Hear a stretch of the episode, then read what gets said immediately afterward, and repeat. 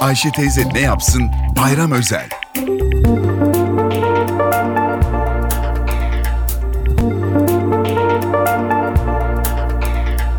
Merhaba sayın dinleyenler, merhaba Ayşe Hanım teyze, merhaba Ali Rıza Bey amca.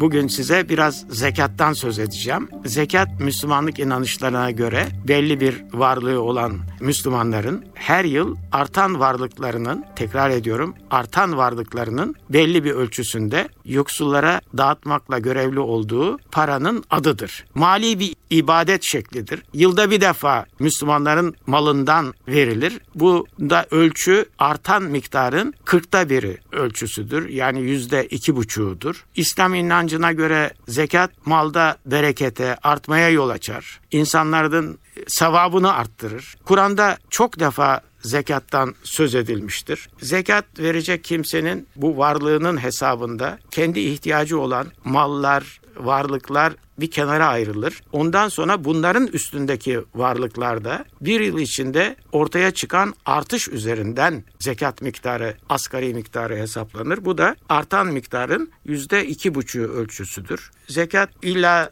bayramda önce verilmez, e, Ramazan'la alakası yoktur ama genelde inanış şudur ki zekat fitre ile birlikte verilir. Zekat zekatın verileceği kimselerin yoksul olması, bunların çaresiz olması, borçlu olması lazımdır.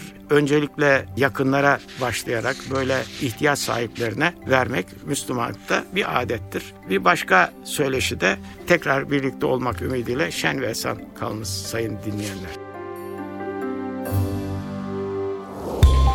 Ayşe teyze ne yapsın? Bayram özel.